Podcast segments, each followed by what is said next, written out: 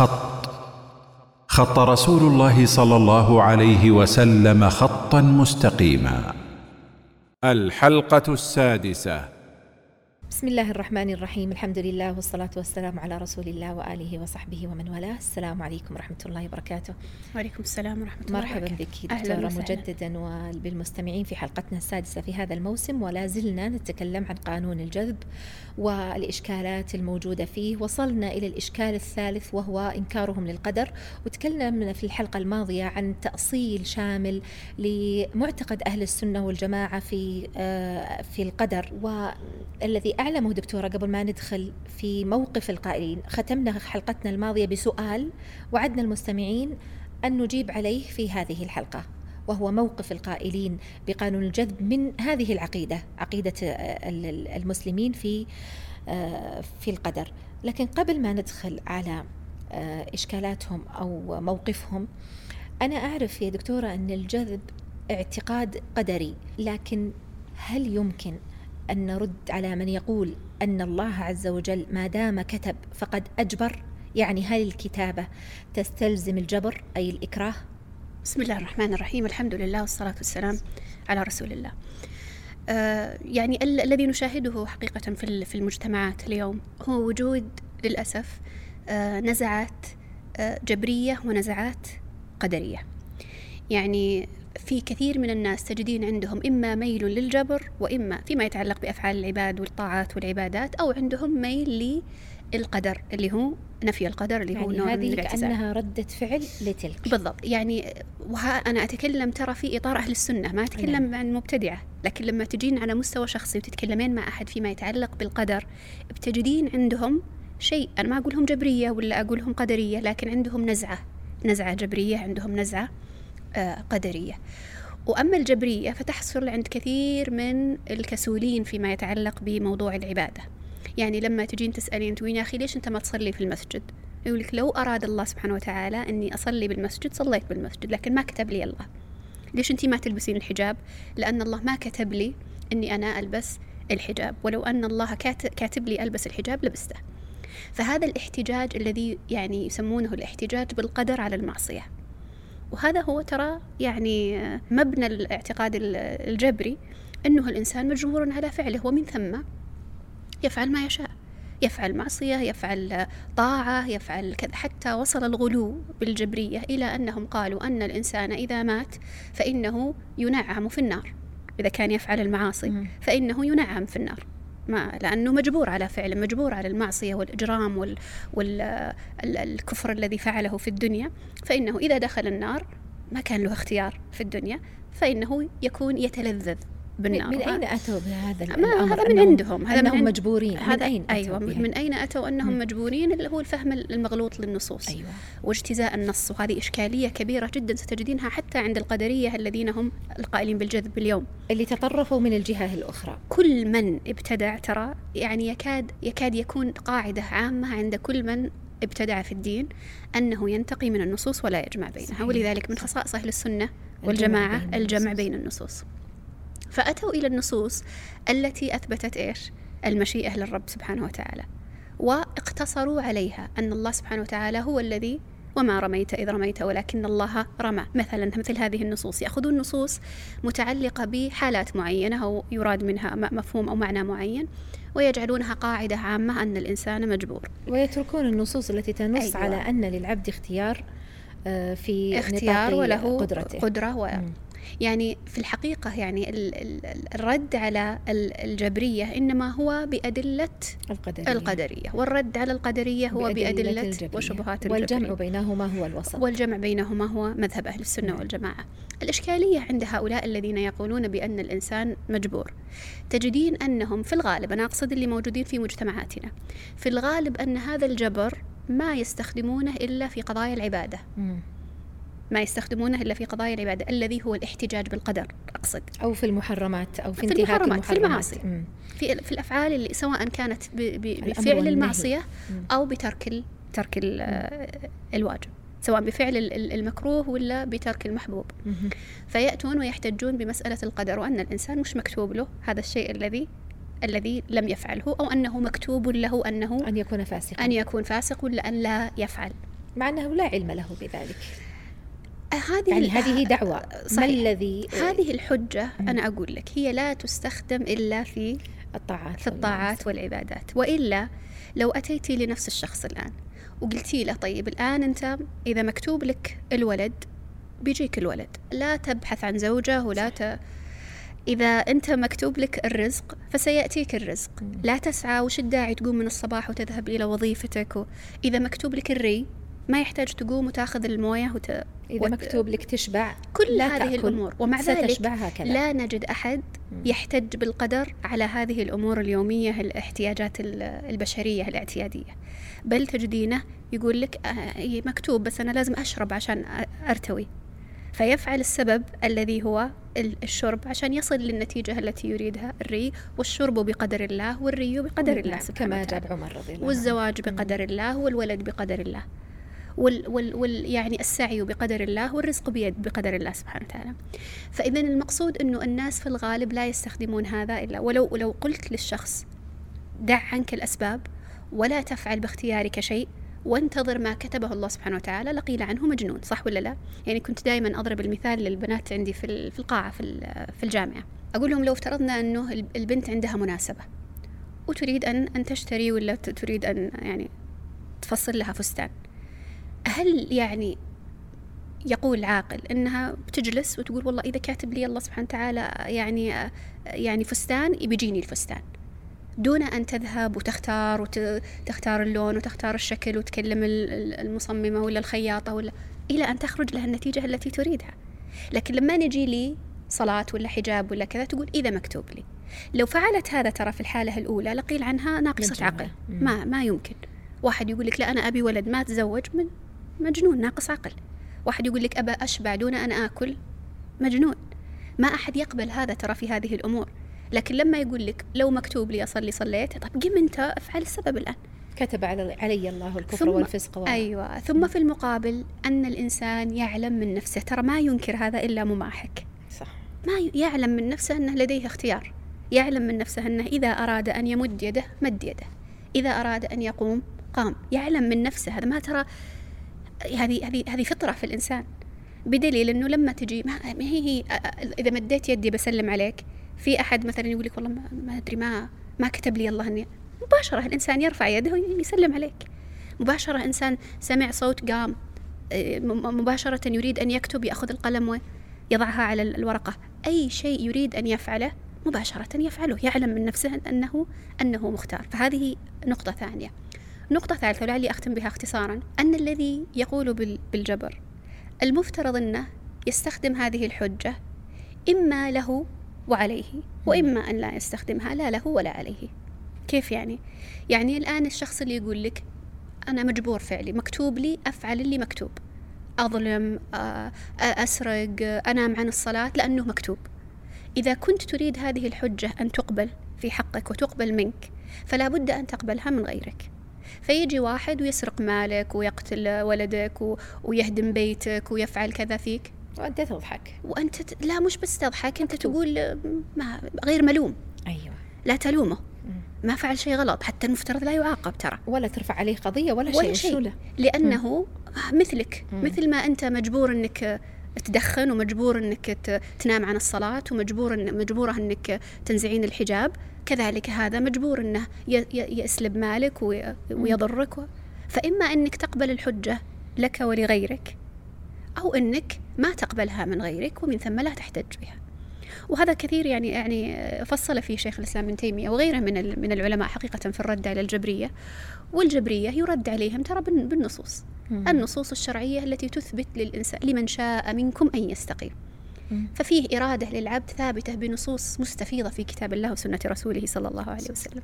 هذه ال- المشيئة وهذه الإرادة لا شك مقيدة بإرادة الله سبحانه وتعالى داخلة تحت مشيئته جل جلاله لكنها ليست مسلوبه ليس العبد ليس مسلوب الإرادة. العبد ليس معدوم الاختيار. وهذا كما ذكرت يعني يعني واضح من من من الاحتجاج. وغالبا ترى الاحتجاج بهذا منبعه الشهوات ليس الشبهات. في كثير من الأحيان منبع الجبر إنما هو من الشهوات ومنبع القدر إنما هو من الشبهات. في كثير من في كثير من الأحيان. واختياره له له حدود. لا شك. في المقابل جاءت ردة الفعل من القدرية يريدون الرد على الجبرية. وبما ذكرنا قبل قليل فأفرطوا فقالوا العبد له الخلق المطلق. وهو خالق فعل نفسه يريدون بذلك كأنهم يريدون الفرار من يعني كيف يكتب الله عز وجل على العبد ثم يعاقبه. ففروا من هذا إلى ذاك بل بالغوا في قانون الجذب يعني ربما مبالغة شديدة جدا فخرجوا عن نسق العقل.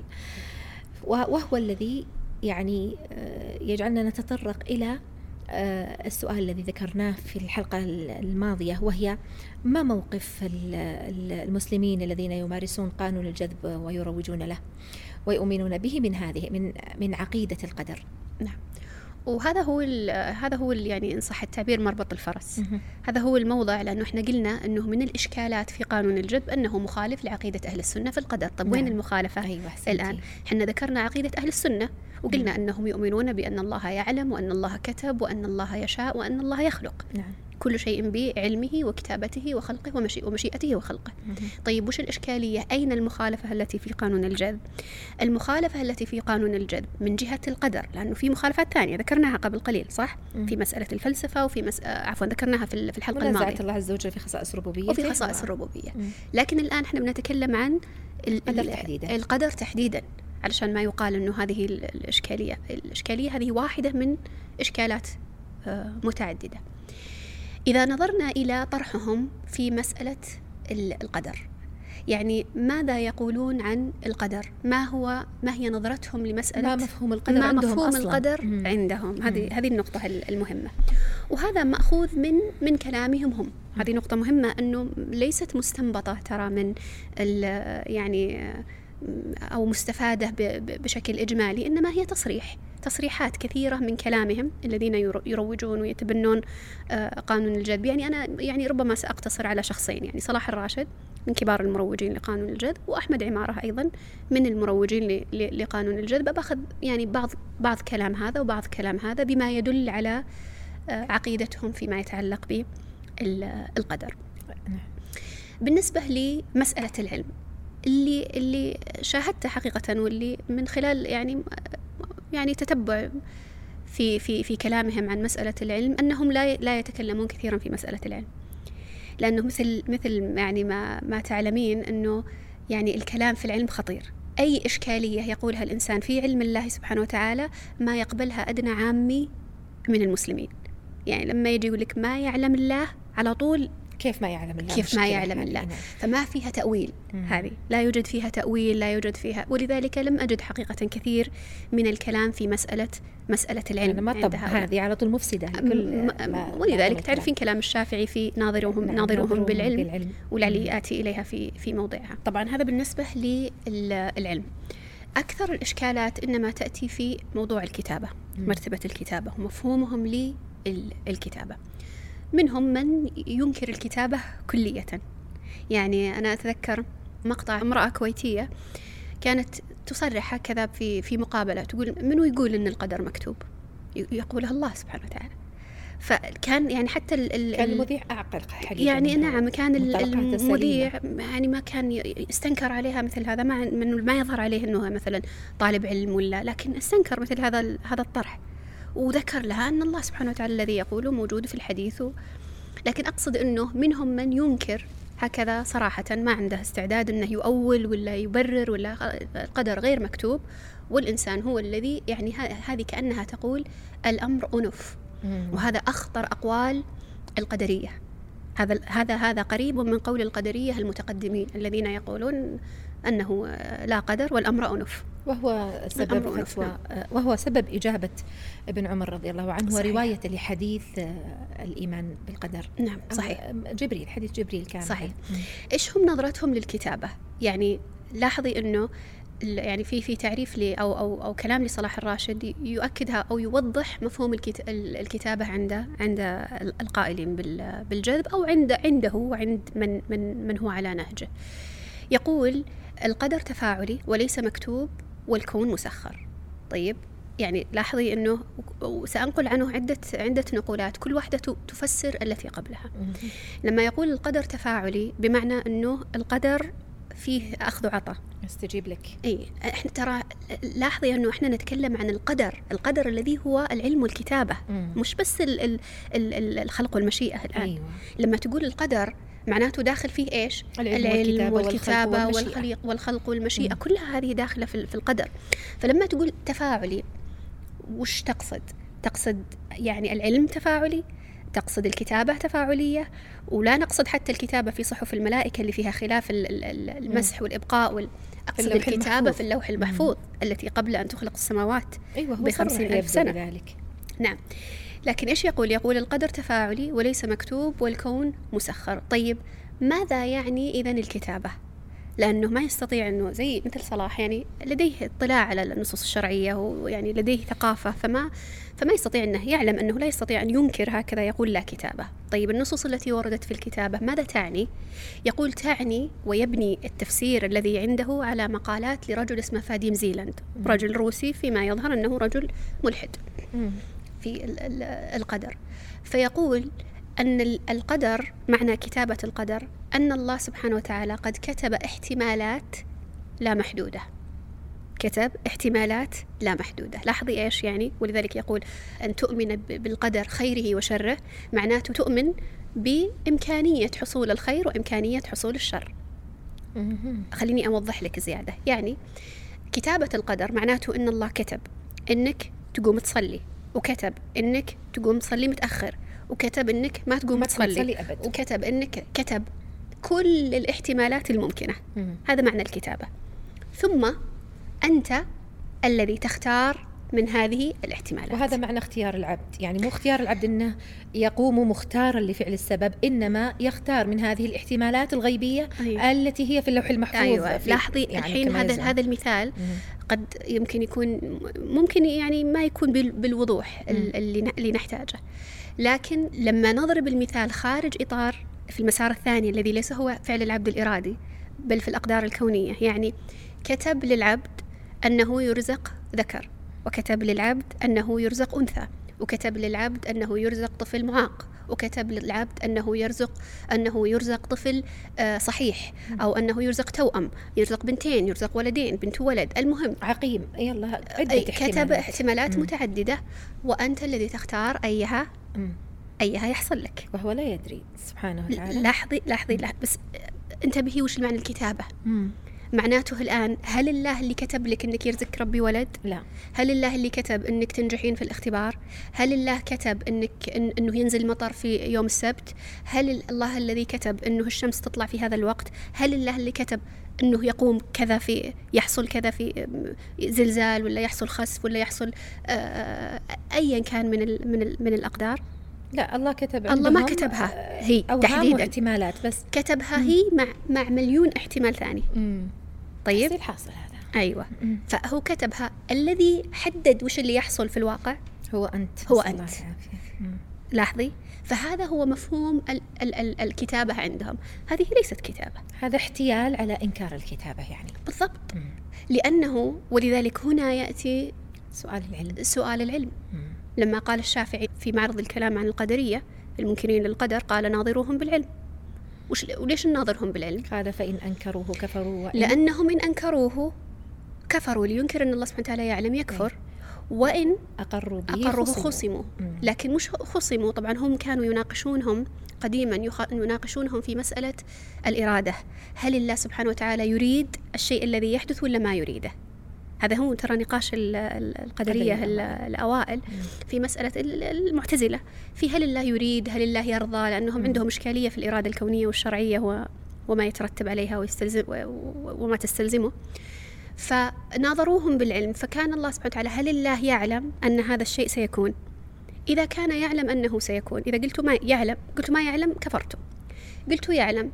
فإذا كان علم وهو قادر على أن يمنعه ولم يمنعه وكان هذا وكان هذا هذا وكان هذا الشيء الذي حصل فهذا دليل أن الله سبحانه وتعالى أراده. فمعناته لزمهم أن يثبتوا الإرادة تبعا لإثباتهم, تبعا لإثباتهم للعلم, للعلم. هذا بالنسبة للمعتزلة وهذا هذا يعني يعني مفهوم آه، كلام الشافعي. لكن حتى في هذا السياق نستطيع أن نقول أيضا ناظروهم بالعلم. فإذا كان الله سبحانه وتعالى هل يعلم الله سبحانه وتعالى أنه هذا بيرزق ولد ولا بنت ولا ما يعلم؟ سبحانه يعلم جل جلاله. إذا قال لك ما يعلم بيجيني بنت ولا ولد هنا يعني خطيرة ولا يتجرأ أحد أنه يقول أنا سمعتها منه. يقول ما يعلم؟ يقول الله لا يدخل في تفاصيل حياتك. إي إي صح صحيح. أنا سمعتها ولا يعني كذلك. استغفر الله استغفر الله الله لأنهم يقيسون الله على عباده أو على يقيسون على الخالق على المخلوق وأنه سيتعب من هذه التفاصيل و نسأل الله العافية. نعم على كل حال المقصود أنه لو لو أنه قيل لهم هل يعلم الله سبحانه وتعالى أنه أنك ترزق بنت ولا ولد؟ إذا قال لا يعلم فهذه هذه القاصمة. وإن قال يعلم أنه سيختار أن أن الإنسان سيرزق الولد أو سيرزق البنت. فما فائدة فما الحكمة من كتابة عشرين ثلاثين مئة مليون, مليون احتمال. احتمال الآن؟ إذا كان يعلم الآن أنه لماذا لم يكتب الشيء الذي يعلم أنك ستختاره.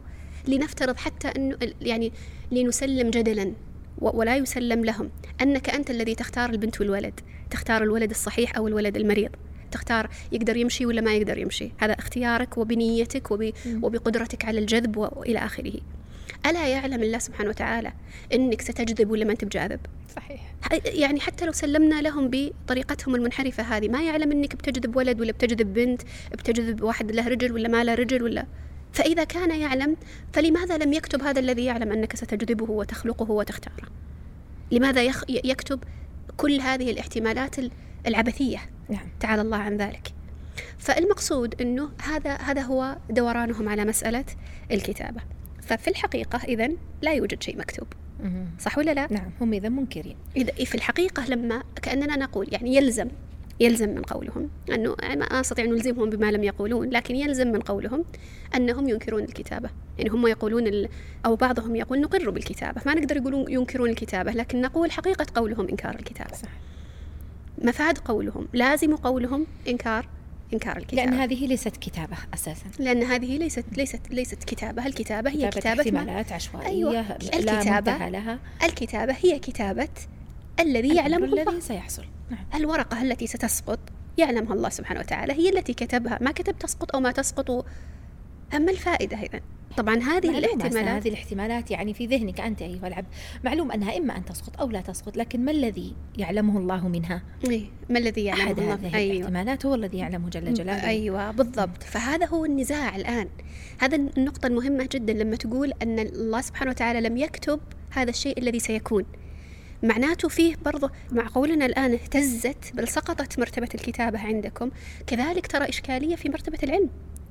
صح ولا لا؟ نعم يعني حتى الواحد اللي يقول لك الله سبحانه وتعالى الذي كتبه احتمالات غير محدودة ليش كتب احتمالات هل هل لأنه أيوة. لا يعلم؟ صار الآن في شك مم. في مسألة هل يعلم ولا ما يعلم ما الذي ستختاره والذي ستخلقه أنت إذا سلمنا لهم ب باعتقادهم أو بقولهم مم. يقول طبعا كل كلامه يعتمد كما ذكرت يعتمد في كثير من الأحيان على على فاديم زيلاند يقول يعني من الطرائف غير غير المضحكة حقيقة الطرائف المظلمة. يقول فاديم زيلاند يقول كلمة تكفيك عن ألف كتاب في العقيدة. سبحان الله. في مسألة القدر. يعني كأنه لا يمكن أن يفهم القدر عقيدة القدر إلا من خلال طرح فاديم زيلاند في في transurfing الواقع وغيره من كتبه المليئة بالإشكالات العقدية والانحرافات وهو ما يبنيها أصلا على معتقد. يصرح أصلا يبنيها. في في ترانسير فرق الواقع وغيرها. يصرح بأنك أنت الإله وفادي زيلاند ما يروي أبدا. أي نعم يقول أنت نعم. الإله أنت المدبر أنت الخالق هكذا. كلهم ها على هذه الطريقة. ولذلك ترى يعني أنا أظني كررتها كثير أنها ترى ما هي صدفة.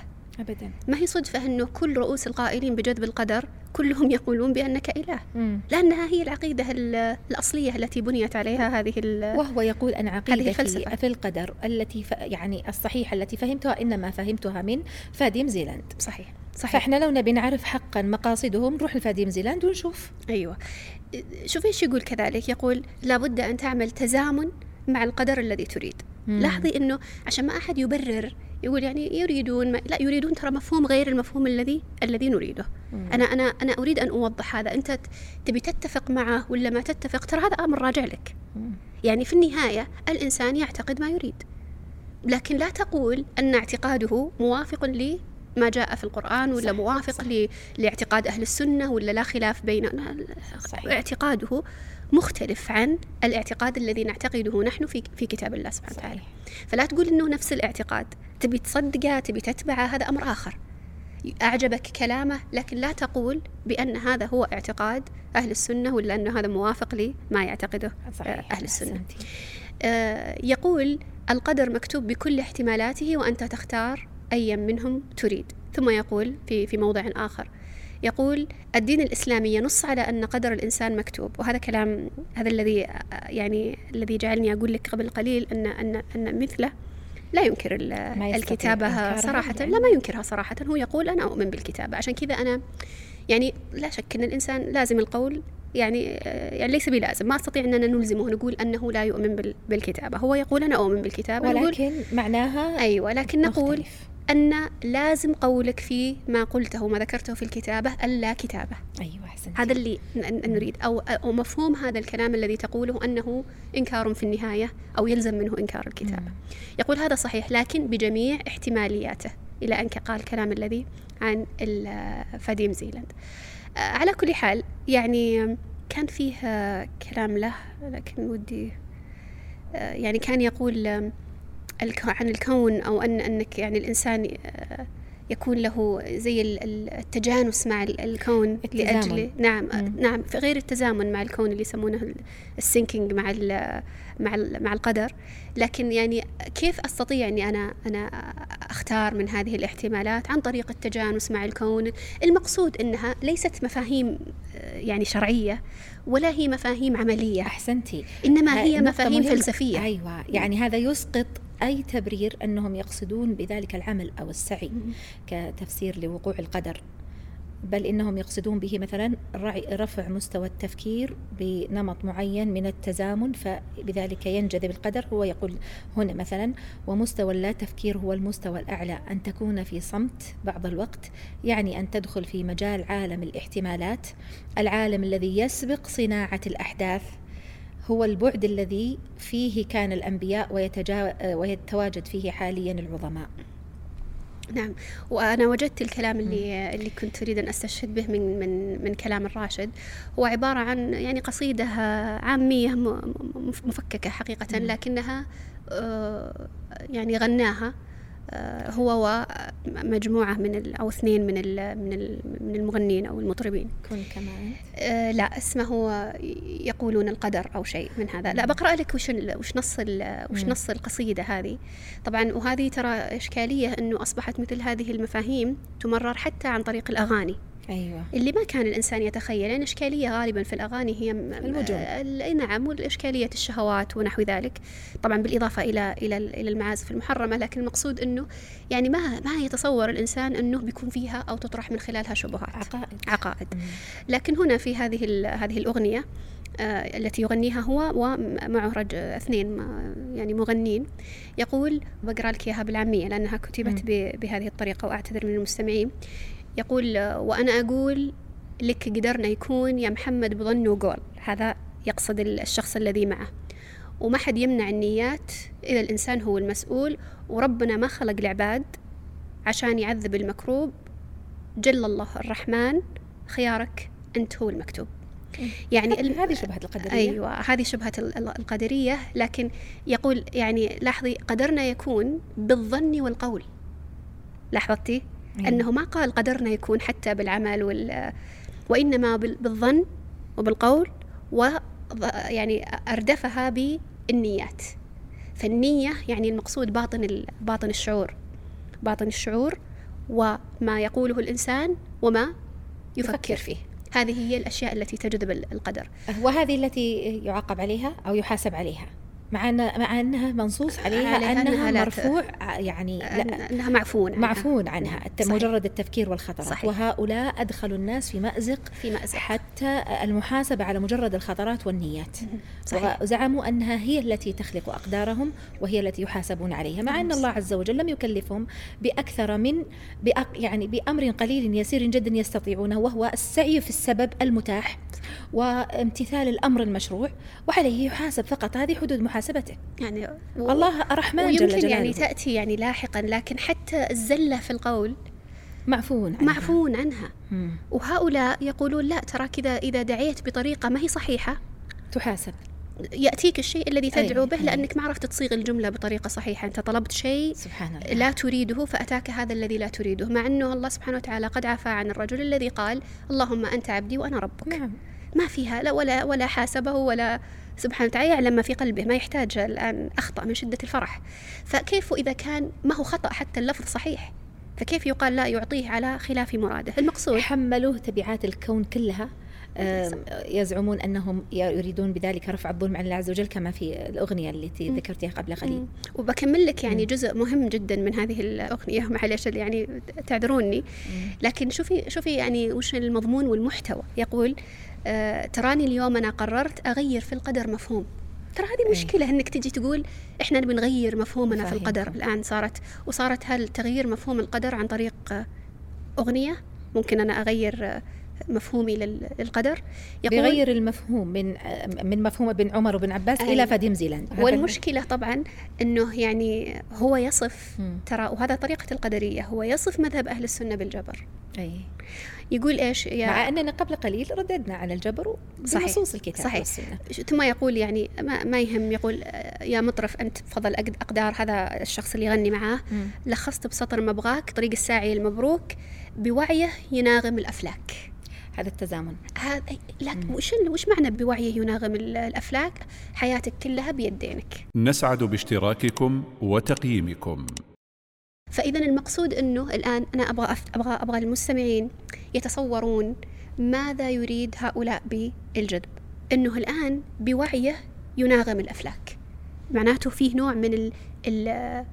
ال- التناغم بين الأفكار وبين الافلاك التي هي مسخرة وأنه أنا الآن بتغييري لأفكاري تنعكس هذه الأفكار إلى ما هو موجود في في الخارج الوهمي على كلام صلاح نفسه وأن كل ما حولك تراه وهم ليس حقيقي وإنما الحقيقة هي الأفكار وال- والمشاعر وما ما تشعر به في باطنك ووعيك. هذا هو الحقيقة فقط. هذا موافق لكلام ترى ديباك شوبرا. صح وكذا وموافق للفلسفه الفيدانتا و- وغير ذلك. يعني يتناغم وعي مع الأفلاك فتتغير الأفلاك فتتس- بناء على ولا- تغير قبل شوي وهم. يقولون لك الكون مسخر. مم. مسخر كيف؟ معناته تحت يدك. تفعل ما تشاء في الك- في الكون. هذا ترى تدبير خطير يعني الآن. يعني. مفهوم لل- للتدبير يعني يفوق كثير من الأقوال المنحرفة ترى في الاعتقاد. صح. لما يجي الإنسان يقول الكون كله. بإرادتي أنا. كل الكون.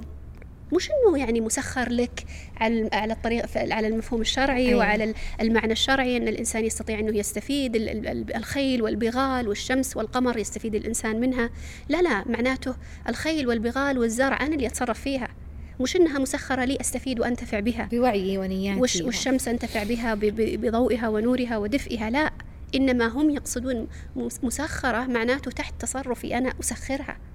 ففرق ترى عشان ما تختلط المفاهيم على الناس ببعض ال- ال- الأدلة الشرعية التي قد قد تشتبه على على بعض الناس فيظنون أنها موافقة لما يقول هؤلاء. لا فرق كبير بون شاسع بين من يقول لك التسخير بمعنى أن الإنسان يستفيد منها وينتفع بها وبين من يقول التسخير معناته التصرف والتدبير. أحسنت. هذه قولين مفترقين تماما. ال- يعني نظرتهم وبدل يا دكتورة ما يحاسب على فعله البسيط يعني عصيانه مثلا فقط يحاسب على كل هذه الأمور من منظور الراشد في في أغنيته هذه. لأنه ابتدأها كأنه كأنه يقول أنا أرد على كيف تجعلون الله عز وجل يكتب ثم آه، يحاسبكم. نقول أو طب حتى وسعت يعني يقول- دائرة المحاسبة؟ لاحظي وش يقول؟ يقول يعني أن الله يعني هو الرحمن. مش معقول بيعذب ال- العبد. وهو يقول أنهم يقولون أن أن الرب يبتلي. ما هو هذا إحنا اللي نقول الرب يبتلي. الله سبحانه وتعالى يقول لنبلونكم. ما هي ما هي الذي يعني خلق الموت والحياة ليبلوكم. ليبلوكم. وأساسا ذا المفهوم ترى يجعل كل الأمور ت- يعني تنسجم وتتفق مع المعطيات ال- ال- الم- ال- الابتلاء ال- هو ال- الأساس ال- يعني هي في الدنيا خلق هذه الدنيا. أبتلاء. أي نعم. الله سواء بالشر أو الخير. لا شك. والنبي صلى الله عليه وسلم يقول أشد الناس بلاء. فما في يعني البلاء هذا لا لا لا ينافي الرحمة. ترى البلاء قد يكون من الرحمة في كثير من من الحالات. والبلاء هو الاختبار الذي الله سبحانه وتعالى في الآخرة لا, لا, لا يعذب إلا سبحانه وتعالى بعدله جل جلاله. أما في الدنيا فالناس يبتلون بأنواع من صنوف من الابتلاءات من ال من من ال يعني المصائب ولا ولا يبلون بالخير وبالشر. هذا أمر مسلم به في الشريعة ما ترى ما يناقش فيه أحد ظاهر ومستفيض في النصوص الشرعية ما يحتاج حتى أننا أننا نناقش. وابتلاءه يا دكتورة في كيفية تعامله مع ما قدر له كونا هل يدفعه بما أمر به شرعا؟ هذه القاعدة تقريبا التي يعني تتكرر في منهج أهل السنة والجماعة في أنه كيف يدفع ما قدر له كونا بما أمر به شرعا؟ هنا ابتلاءه صحيح. يعني الله عز وجل أرحم بخلقه من أن آه، يوسع دائرة ابتلاءهم حتى على تصاريف الكون وتقديره يعني وتدابير الأمور الكونية كاملة. يعني من العجيب أنه لما جاء هؤلاء ورفعوا الإنسان إلى مصف الربوبية حقيقة. يعني جعلوا الإنسان هو المدبر والخالق والمالك والمتصرف بالكون حملوه ما لا يطيق. صحيح. صحيح. يعني هم الآن أعطوه هذه الصلاحية وهذه القدرة بزعمهم. لكن ترى معها يأتي تبعات ما يستطيعها الإنسان. لما يحصل الآن المصاب لما يحصل خلاف ما يريده الإنسان بدلا من أن يقول قدر الله ما شاء فعل يلقي باللوم على نفسه ويفعل ما نهاه النبي صلى الله عليه وسلم عنه ويقول لو كان كذا لكان كذا نعم. ويفتح باب الشيطان على مصراعيه. لأنه يعتقد أن كل ما في الكون يحصل بحسب فعله هو بحسب إرادته بحسب تركيزه معناته أنا أخطأت باللفظ أنا أخطأت في التركيز أنا فعلت كذا عشان كذا ولدي صار له كذا علشان كذا أنا ما ترقيت في الوظيفة عشان كذا فصلوني علشان كذا صار الحادث علشان لأني لكن المسلم الموقن بقدر الله سبحانه وتعالى يسلم بهذا ويحتج بالقدر عند. عند المصائب لا عند المعائب فالمؤمن بالقدر ترى مرتاح لكن المؤمن بالجذب مرتاح في, في إيش؟ مش إنه ترى مستسلم وهذا الذي يعني أنا أنا يستفزني حقيقة في طرح الراشد. لما يتكلم عن مذهب أهل السنة والجماعة ويصورهم العلماء والدعاة ولا غيرهم يصورهم على أنهم جبرية على أن الواحد جالس كذا ويريد كل شيء يأتي يا مكتوب كل شيء مكتوب كل شيء مكتوب نعم. فيما يتعلق بأقدار الله التي حصلت والمصائب ما في واحد ترى من أهل السنة ومن ومن علماء أهل السنة المعتبرين الذين لهم أي نوع من الثقل في, في, في الساحة الدعوية ولا العلمية يقول اجلس الذي سيحصل لك مكتوب. ما في أحد يقول هذا. فكونه يجي ويقول يأتي ويصورهم على أنهم كسالى جبرية لا يعتلون بفعل الأسباب ولا يخططون ولا يحتجون دائما بالقدر لا غير صحيح. وهذا أصلا غير موجود. إنما الاحتجاج بالقدر على المصائب. لما يقع الشيء فإنهم يقولون هذا بقدر الله. قدر الله ما شاء قدر الله ما شاء فعل. أن حصل هذا. ما يعني إني والله ما أجتهد في تصويبه ما أجتهد في في تصليح الخطأ بالعكس إحنا يعني لما نتكلم نتكلم عن فعل الأسباب وننكر على من لا يفعل الأسباب. هذا هذا فعل الجبرية وفعل المتصوفة المتواكلون اللي اللي ما يفعل الأسباب ليحقق النتائج. هذا هذا غير مقبول عند أهل السنة. ولهذا الشيخ بن باز في نعم. سؤال جميل جدا آه، وجه إليه.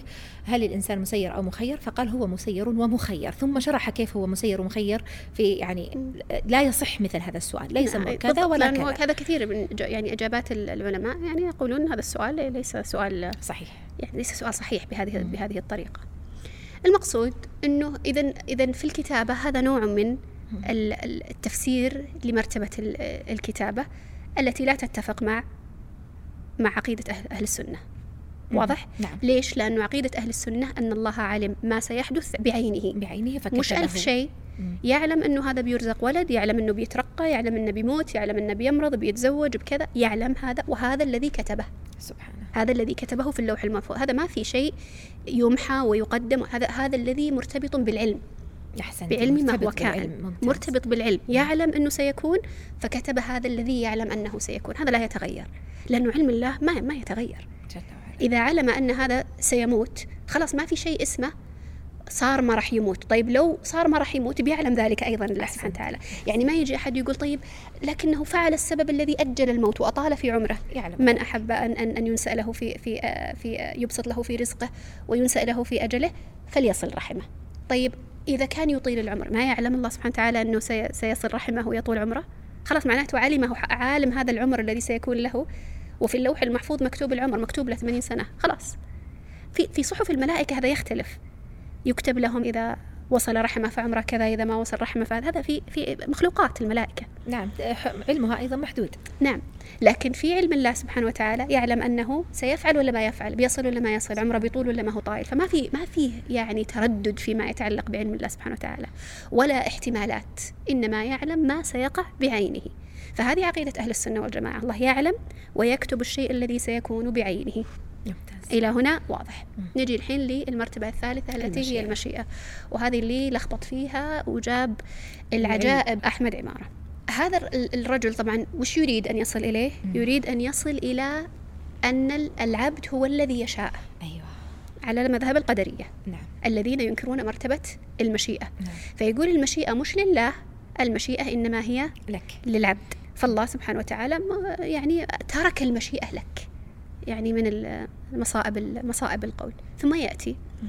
وهذه من من عجائبه. ترى عجائبه لا تنقطع. لكن بجيب لكم طرف منها الآن. ومتناقضاته كذلك لا تنقطع. أنا أسمع له عدة مقاطع يناقض نفسه في في نفس لكنه ترى يعني, يعني ربما يكون أسلوبه يعني جذاب لبعض الناس وكذا. فيعني يتجاوزون عن المحتوى في مقابل الأسلوب والطريقة الإقناعية.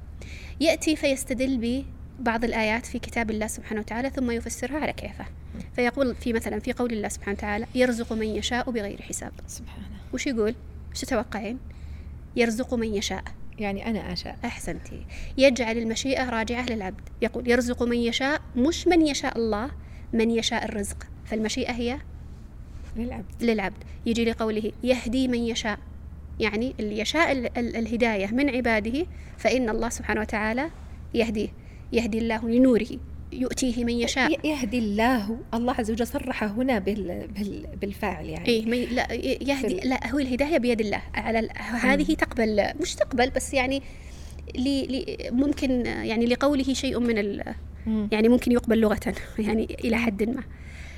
لكن الإشكالية طبعا أن وهذا يشكل على بعض الناس. يقول لك طيب وش هذه الآيات الكثيرة والآن كذا ممكن أنها أيوة. تنصرف لهذا المعنى و إذا إذا جاءك مثل هذا لعلنا نرجع إلى الحلقات الأولى ولا ما تكلمنا عنها أظن تكلمنا عنها إن شاء الله في مسألة التفسير. هل هذا التفسير سبق هذا الرجل به أحد من علماء السلف؟ ولا هو ابتدعه من عنده؟ نعم شوفي كتب شوفي كتب التفسير الآن شوفي كتب الطبري شوفي كتب ابن كثير المفسرين بالآثار الذين نقلوا عن أصحاب رسول الله صلى الله عليه وسلم. هل هكذا فسروا هذه الآيات؟ م. هل قال أحد من السلف بمثل هذا؟ أبداً. أنه ابتدعه الآن من عنده؟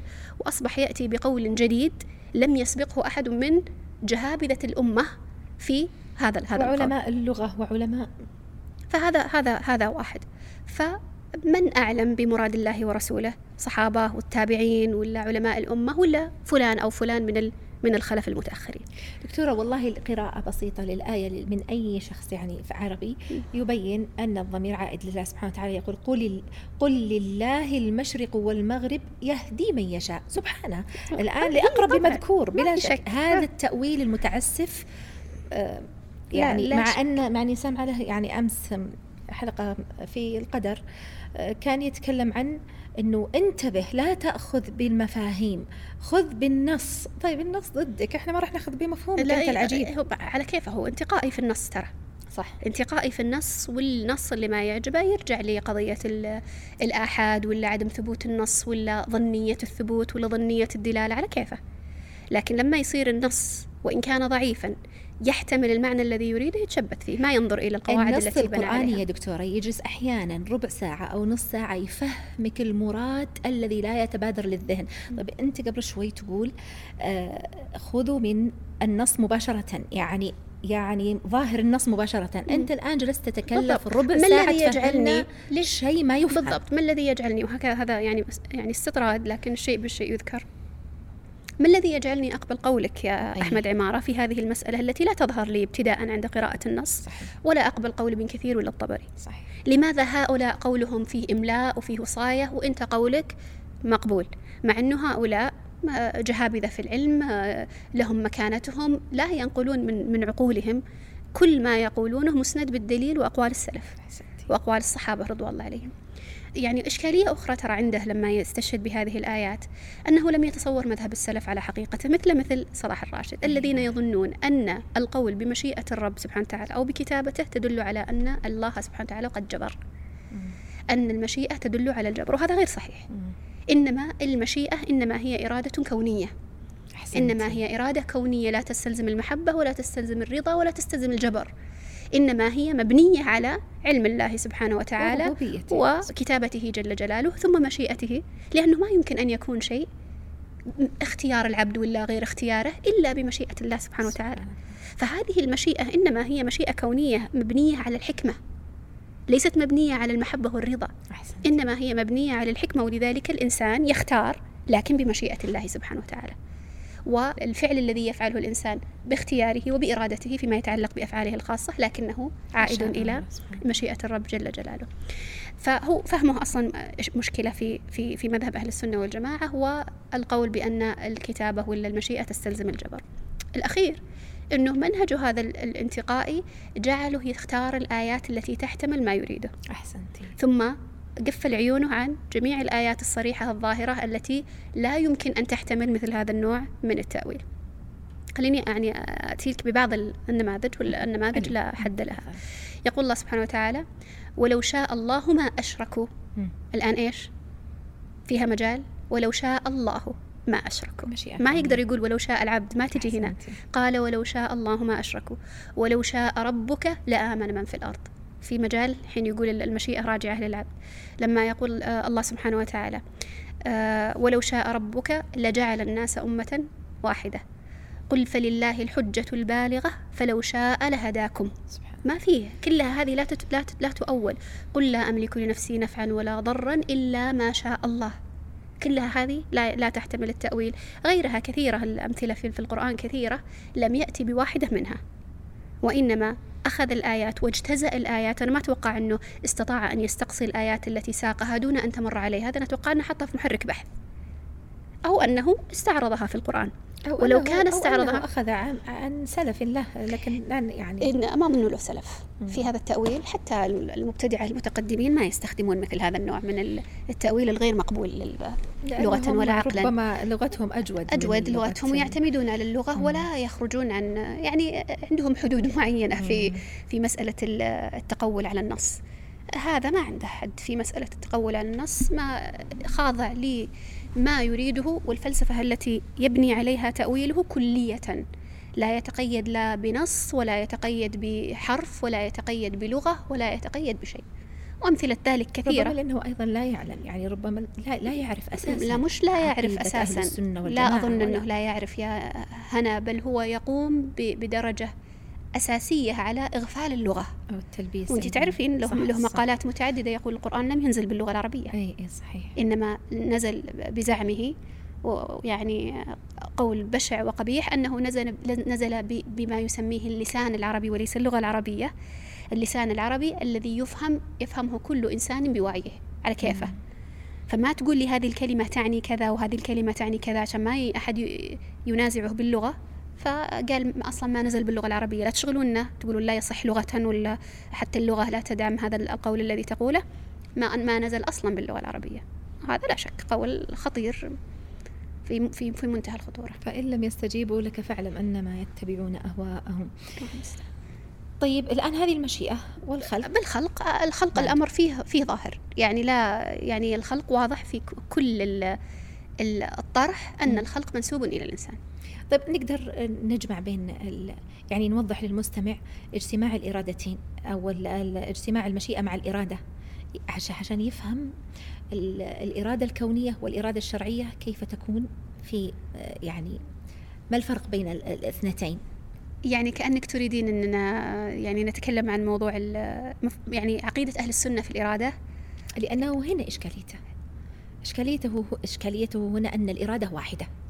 في القرآن في القرآن وه- في القرآن إذا جاءت. المشيئة مم. يا يجعلها للعبد يا يجعلها للرب بس نعم يعني طبعا إشكالية ال يعني ال ال القدرية عموما أنهم جعلوا الإرادة مستلزمة للمحبة والرضا مم. فقالوا إذا كان الله سبحانه وتعالى أراد شيئا أن يكون إذا أثبتنا أن الله يريد هذا أن يكون فلا بد أن يكون يحبه. ويرضاه مم.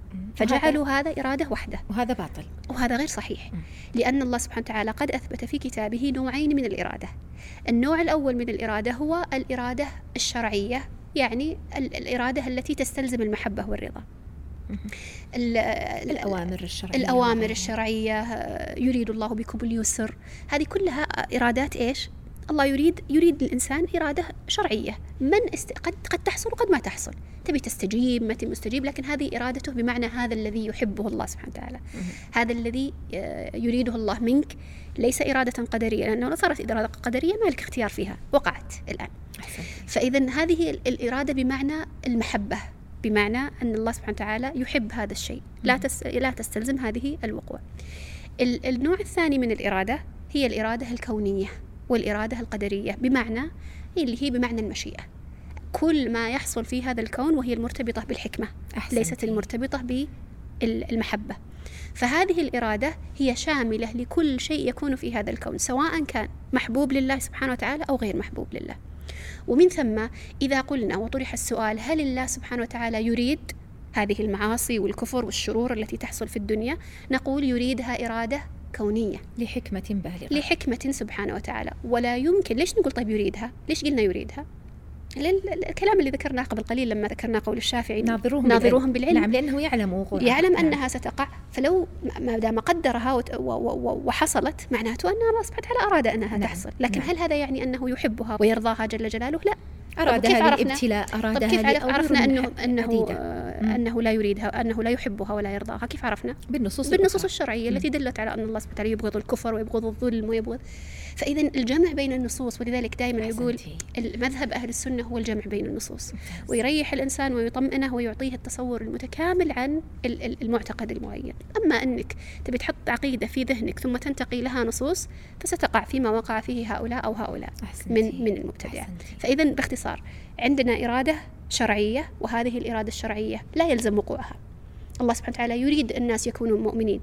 يريد الله سبحانه وتعالى أن كلنا نصلي ويريد أن كلنا نطيعه ويريد بمعنى أنه فأمر. يحب. نعم. يحب أيوة. ذلك فأمر به أمرا فأمرنا شرعيا. بذلك أمرا وابتلى المؤمنين الناس. أمرنا إذا فيه نقطتين الإرادة الشرعية. لا يلزم أن تقع ممكن تقع وممكن ما تقع أنها مرتبطة بالمحبة والرضا. تستلزم المحبة والرضا. نعم. فكل ما يريده الله سبحانه وتعالى شرعا معناته يحبه الله ويرضاه. نعم. الإرادة الثانية اللي هي الإرادة الكونية. وهذه الإرادة الكونية لابد أن تقع ما فيها خيار. إذا أراد الله سبحانه وتعالى شيئا قال له كن فيكون. خلاص نعم. ما في خيار. لأن كل ما يريده الله سبحانه وتعالى يحصل وكل ما في هذا الكون يريده جل جلاله. الثاني فيما يتعلق بالإرادة الكونية أنها لا تستلزم المحبة والرضا. نعم شلون لا تستلزم مش. معناته أنه لا يحبها الله ولا يرضاها. قد تكون كذا وقد قد تكون كذا. وقد تكون طيب كيف تقع. وهي لا يحبها الله لحكمة يريدها جل وعلا؟ حتى نستطيع أن نجمع بين صفات الله عز وجل المحبة والحكمة بالضبط. يعني وترى يا هنا يعني أنا ما ما كان ودي أني أستطرد في هذه المسائل لأنها طويلة وأنا أحيل ال- المستمعين للدروس العلمية الشرعية فيما يتعلق بشرح مسألة القدر. والإرادة وهذه. مستفيضة لكبار العلماء ممتاز. يستطيعونها يضعونها في محركات البحث بسهولة يحط لك الإرادة الكونية والشرعية ابن ابن. ابن عثيمين ولا ابن باز ولا ولا غيره من المحققين المعاصرين ما بسهولة يحصل على المعلومات بشكل متكامل أنا يعني مررت عليها عرضا لأن المقام حقيقة لا يحتمل التفصيل في مسائل القدر الفرعية هذه إحنا في ال- في المقام الأول نريد أن نناقش قانون الجذب. وهذه المسائل صحيح أنها لها علاقة لكنها ليست الأصل في مناقشة آه، المخالفين في. هذا هذا المجال ولذلك يعني أوجزت قد يكون الإيجاز فيه شيء من الخلل أي نعم أرجو أنه يعني يكون المستمع تصور المسألة لكن لا لا أريد إن كانت لديه إشكالية في هذه المسألة أو في غيرها من مسائل القدر ألا يكتفي بما ذكرناه في هذه. الحلقات المختصرة بل يرجع إلى كلام أهل العلم وكتب أهل العلم علم المحققين في فيما يتعلق آه، بالقدر وبالإمكان لعلنا يعني الأخوات المشرفات أنهم يضعون بعض الروابط أسفل ال يعني الحلقة في اليوتيوب ولا في غيره من. من الروابط التي فيها شروح لكبار ال- العلماء فيما يتعلق بباب القدر. يمكن الرجوع إليها أحسن الله إليك وشكرا لك بهذا نختم الإشكالات الثلاث الرئيسية في قانون الجذب وبإذن الله تعالى في الحلقات المقبلة سنناقش أهم الشبه التي تطرح في الساحة ويظن أنها هي قانون الجذب كقولهم أنا عند ظن عبدي بي أو أنه حسن الظن أو أنه هو الدعاء أو أنه إلى آخره من الإشكالات. إن شاء الله تعالى سنتطرق لها. الشبه عفوا في الحلقات القادمة. آه، أشكركم لحسن استماعكم. السلام عليكم ورحمة الله وبركاته. وعليكم السلام.